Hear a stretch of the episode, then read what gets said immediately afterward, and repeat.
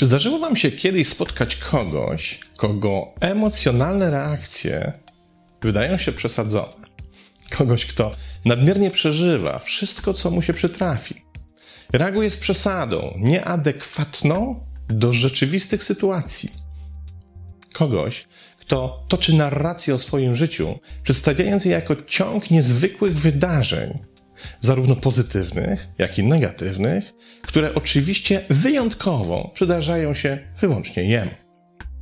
Mówimy o takiej osobie egzaltowana lub emotywna, bo kiedy cierpi, to od razu za miliony. Kiedy się w coś angażuje, to wszyscy muszą o tym wiedzieć i docenić, jak wiele dla tej sprawy robi.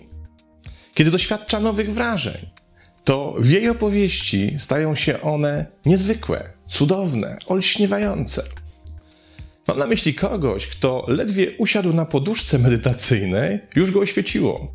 A jak skończył trzydniowy kurs coachingowy, to teraz będzie zbawiał świat i wszystkich dookoła. Kiedy stykamy się z taką osobą, mamy wrażenie, że za tym przesadnym zachowaniem skrywa się jakaś niespójność, jakaś nieprawda, coś, co nie do końca nas przekonuje.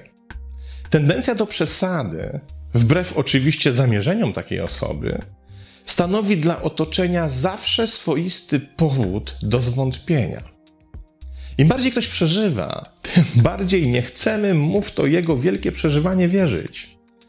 Zamiast podzielić jego prawa do okazywania w ten sposób swoich emocji, zaczynamy podejrzewać go o pretensjonalność. Zaś zamiast wierzyć w jego cykl cierpienia, bardziej jesteśmy skłonni doszukiwać się w jego zachowaniu elementów aktorskiej gry.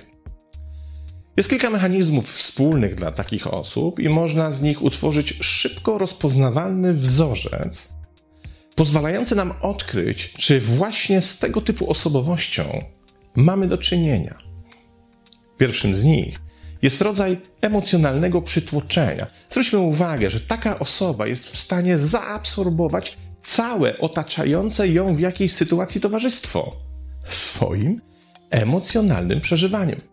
Staje się centrum emocjonalnej uwagi. Jedni jej współczują, oczywiście za jej plecami, pukając się w czoło. Inni nie wiedzą, jak się zachować w obliczu tak wybujałych emocji. A jeszcze inni szukają możliwości jak najszybszej ucieczki. Jednak wszyscy, którzy otaczają taką osobę, odczuwają ten swoisty efekt emocjonalnego przytłoczenia. To tak jakby od nabrzmiałych emocji robiło się w jakimś pomieszczeniu dosłownie duszno. Kolejnym wzorcem zachowania takich osób jest budowanie relacji przy pomocy emocjonalnego szantażu. I to nie tylko na poziomach łatwych do zdefiniowania, kiedy ktoś na przykład mówi: Jak mnie zostawisz, to się zabije, ale również wówczas, kiedy małymi kroczkami doprowadza do sytuacji, w której otoczenie uczy się, że jeśli nie poświęci takiej osobie odpowiedniej ilości zainteresowania, to tak da wszystkim popalić, że lepiej do tego nie dopuścić. Przypomina to proces emocjonalnego karmienia. Dopóki taka osoba się emocjonalnie nie naje, czyli nie spowoduje, że to jej właśnie będzie poświęcone zainteresowanie innych w odpowiednim stopniu i natężeniu, będzie tak energetycznie wyczerpywać towarzystwo, aż w końcu otrzyma tę swoją emocjonalną strawę. Jeszcze innym wzorcem jest zwracanie na siebie uwagi, albo przez określony, odstający od reszty wygląd, albo też poprzez niekonwencjonalne, nieprzewidywalne czy dziwne zachowanie. Tutaj używając teorii Goffmana, moglibyśmy powiedzieć, że taka osoba stosuje całą masę rekwizytów i dekoracji, byśmy na pewno nie mogli jej przeoczyć w tłumie innych ludzi. Kolejnym wzorcem jest adekwatność reakcji do bodźców. U tego typu osób pojawia się drastyczna różnica pomiędzy poziomem reakcji a rzeczywistym działaniem bodźca. Ktoś taki przesadnie reaguje, a jego reakcje nigdy nie dają się przewidzieć, bo do tej przesady dołącza również huśtawkę nastrojów. Od entuzjazmu po apatię, od nieadekwatnej wesołości po neurotyzm. I w końcu osoby takie są zawsze zorientowane wyłącznie na koncept ja, co powoduje, że są nietolerancyjne w stosunku do innych i mało zainteresowane innymi. Z wyjątkiem oczywiście sytuacji, kiedy relacja z innymi leży w gestii ich konkretnych korzyści, a wówczas są zdolne do wykorzystania najróżniejszych środków do osiągnięcia celu, od uwodzenia po emocjonalny szantaż. Powyższe reakcje i zachowania, nawet w drobnym wydaniu, mogą stanowić wstęp do zaburzenia osobowości, znanego w psychiatrii jako osobowość histrioniczna. Ale ciężkie przypadki zostawmy psychiatrom. My zaś zajmijmy się tym, w jaki sposób możemy poradzić sobie emocjonalnie z takimi osobami, albo też w jaki sposób możemy popracować nad sobą, kiedy zauważymy, że i w naszym wachlarzu zachowań takie atrakcje zaczynają się pojawiać. Żeby wyjaśnić mechanizm tego działania, musimy się przyjrzeć bliżej pewnemu aspektowi, który jest najpotężniejszym wzorcem takich zachowań. Występuje on za każdym razem, nawet w najlżejszych i niby niewinnych przypadkach. Tym wzorcem jest teatralizacja. Cóż ona oznacza? Otóż definicja słownikowa mówi jedynie o tym, że to nadawanie czemuś cech teatralnych.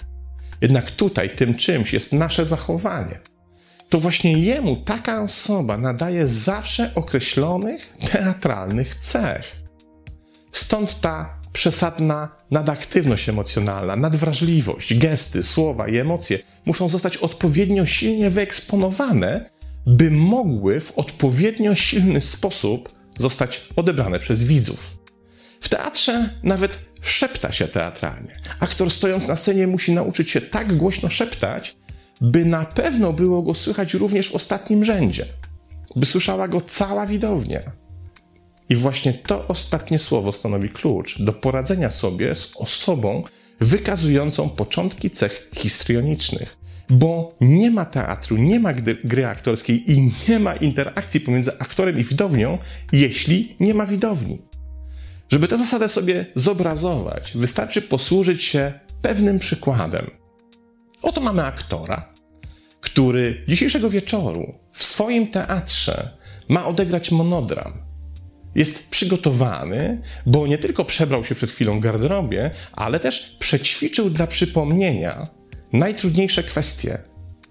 Wchodzi więc na scenę, przyjmuje odpowiednią pozę na rozpoczęcie przedstawienia i czeka na rozsunięcie się kurtyny. Kiedy zaś kurtyna się rozsuwa i zapalają się sceniczne reflektory, aktor nagle orientuje się, że jest tu sam. Na widowni nie ma ani jednego widza. Po prostu jakimś dziwnym trafem dzisiaj nikt nie wybrał się do jego teatru. I teraz odpowiedzmy sobie na proste pytanie. Czy będąc tym aktorem w dokładnie takiej sytuacji, którą przedstawiłem przed chwilą, zagralibyśmy to przedstawienie? Czy odegralibyśmy spektakl przy kompletnie pustej widowni? Czy mimo braku widzów wykonywalibyśmy wcześniej wyuczone teatralne gesty i wypowiadali sceniczne kwestie? Otóż raczej nie, prawda? Uznalibyśmy, że nasze przedstawienie w tym dniu po prostu trzeba odwołać, bo nie ma komu go zaprezentować. I właśnie ten mechanizm działa w teatralizacji emocji osób, które przesadnie reagują w różnych sytuacjach. Ich teatralizacja wymaga widza, bo wyłącznie dla widza tworzą swoje przedstawienie. Muszą mieć widownię, bo bez niej ich teatralizacja pozbawiona jest najmniejszego sensu. To podobna sytuacja jak ta, kiedy wchodziliśmy na lekcję w podstawówce, z której chcieliśmy się zmyć, udając, że nas boli brzuch i musimy iść do domu. Kiedy udało się nabrać nauczycielkę i rzeczywiście szliśmy do domu, udawanie bólu brzucha nie miało już sensu, bo nie było przy kim udawać. Nie było widowni, dla której odstawialiśmy ten cyrk. Zatem teatralizacja odbywa się tylko i wyłącznie dzięki obecności i zainteresowaniu widowni. Jeśli widownia przestaje być obecna, cyrk przestaje mieć sens. Ale nie dotyczy to wyłącznie obecności. W omawianych tutaj mechanizmach brak obecności może równie dobrze oznaczać brak zainteresowania. Wielokrotnie spotkałem w swojej szkoleniowej drodze takie właśnie przesadnie emocjonalne osoby, kiedy jednak nie reagowałem na ich emocje w jakikolwiek sposób, natychmiast traciły rezon, bo przekonywały się, że we mnie nie mają widza. A skoro nie ma widza, to nie ma komu dostarczyć emocjonalnej karmy. Jednak jest jeszcze jedna ważna rzecz. Otóż w przeciwieństwie do teatru, w histrionicznej osobowości widzem może być również ona sama. Jak to możliwe? Otóż możliwe i wręcz czasem takiej osobie bardzo potrzebne, by mogła ona później na tym doświadczeniu zbudować narrację dla kolejnych widzów. Musi przesadnie doświadczyć, przeżyć, poczuć, by mogła później o tym swoim doświadczeniu z równie wielką przesadą opowiedzieć.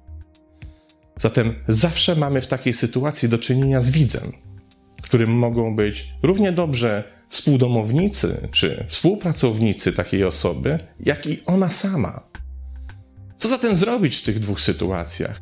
Jak sobie poradzić zarówno wówczas, kiedy znajdujemy w naszym otoczeniu taką osobę, jak i wówczas, kiedy sami w sobie odkrywamy takie zapędy? Jedynym sposobem jest wyjście widza z teatru, brak zainteresowania spektaklem i aktorem, obojętność dla przedstawienia, które się odgrywa. Wówczas aktor traci pożywienie, a jego działania zostają pozbawione sensu. Odebranie widza jest niestety trudne i to w obydwu tych sytuacjach. W pierwszej opór pojawi się po stronie delikwenta, a w drugiej po stronie ego. W pierwszej sytuacji delikwent będzie poirytowany jak dziecko, któremu odebrano możliwość zabawy ulubioną zabawką.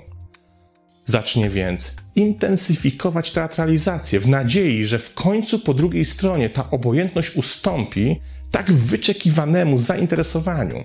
Jednak poddanie się w takiej chwili to najgorsza z opcji, którą możemy zrobić. Uczymy jedynie w ten sposób taką osobę, że nasze zainteresowanie wymaga wyjątkowo dużego przedstawienia. W drugiej sytuacji, jeśli w rolę aktora wchodzi ego i jednocześnie doświadczając tego procesu mu się nie poddamy, efekt będzie dokładnie taki sam. Ego bowiem karmi się naszą atencją. Jej brak stanowi brak zasilania, a przy braku zasilania nawet najsprawniejsza bateria w końcu się wyczerpie. Sztuka wychodzenia z teatru nie należy do łatwych. Przypomina to prawdziwe wyjście z teatru w trakcie na przykład kiepskiego przedstawienia trochę tak głupio, ostentacyjnie ranić starających się aktorów. Ale kiedy się raz uda wyjść, każdy kolejny raz przychodzi łatwiej, szybciej i z dużo mniejszym poczuciem zażenowania. Pozdrawiam.